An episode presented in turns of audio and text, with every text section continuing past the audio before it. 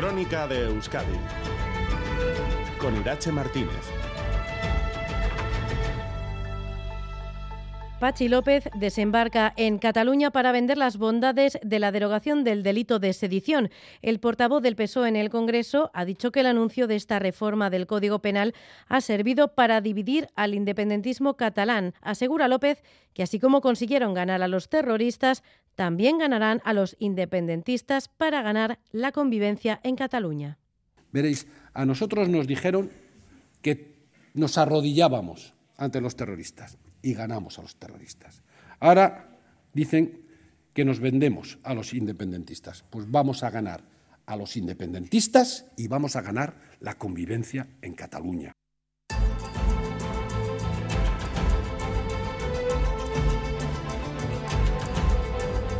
Lo cierto es que antes del pronunciamiento de Pachi López conocíamos un nuevo capítulo en la división del independentismo catalán. Tras el anuncio del gobierno español de derogar el delito de sedición, la Asamblea Nacional Catalana ha convocado una manifestación en contra de esta reforma del Código Penal para el 6 de diciembre. Asegura la ANC que con esta medida se facilita penalizar de forma grave la movilización independentista en las calles. El líder de ERC, Uriol Junqueras, contestaba en Cataluña Radio, considera que la reforma és un èxit doble.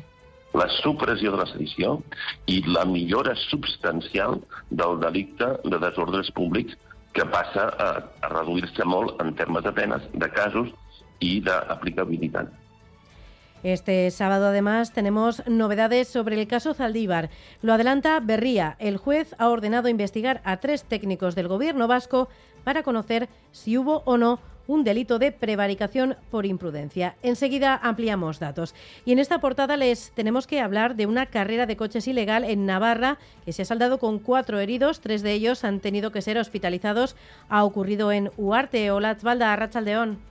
A Racha León, las carreras ilegales son habituales en el polígono industrial de Areta, en Huarte. La última, la de anoche, a eso de las 11, en una zona de coches y varios grupos de amigos, un coche comenzó a hacer trompos, perdió el control y atropelló a un grupo de personas que había ido a ver la carrera. Cuatro personas resultaron heridas, tres de ellos trasladados al Hospital Universitario de Navarra. El conductor, por su parte, ha sido detenido por conducción temeraria y alcoholemia, ya que triplicaba la tasa permitida. El alcalde de Huarte, Alfredo Arruiz, señala que estas carreras no tienen ningún sentido porque al final eh, ponen en peligro sus vidas y los de los demás. Y... Los vecinos también se muestran cansados. Muchos trabajan en el polígono y temen que algún día salgan heridos.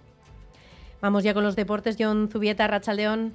Hola, Rachaldeón Osasuna se mide esta tarde al Fuentes en su arranque en la competición Coopera, mientras que Athletic y Real Sociedad entran en Liza mañana ante Alcira y Cazalegas. Esta tarde se la juegan a Morevieta, Sestao, Guernica, Arenas y Beasain.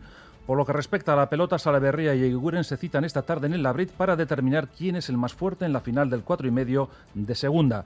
En baloncesto, una segunda parte indigesta arruinó al Basconia en su cita griega ante el Panathinaikos. Cayó por 15 puntos de diferencia. También en baloncesto, hoy Lointec, Guernica, Arasque e IDK tienen jornada de ligara. Y por último, en balonmano, Vidasoa busca reaccionar tras su varaparo copero ante el Blendio sin fin y Anaitasuna se cita con el Torrelavega.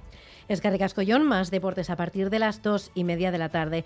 Y repasamos ya el pronóstico del tiempo para las próximas horas. Euskalmet, Jaione Munarri, según Caixo Arrachaldeón, eh, durante tarde seguiremos con algunos intervalos nubosos, eh, sobre todo en el sur, especialmente en Navarra, pero en el resto el ambiente será agradable con amplios claros. El viento del sureste seguirá siendo algo intenso, sobre todo en zonas de montaña, y las máximas se van a quedar entre los 22 y los 24 grados en el norte y por debajo de los 20 en el resto.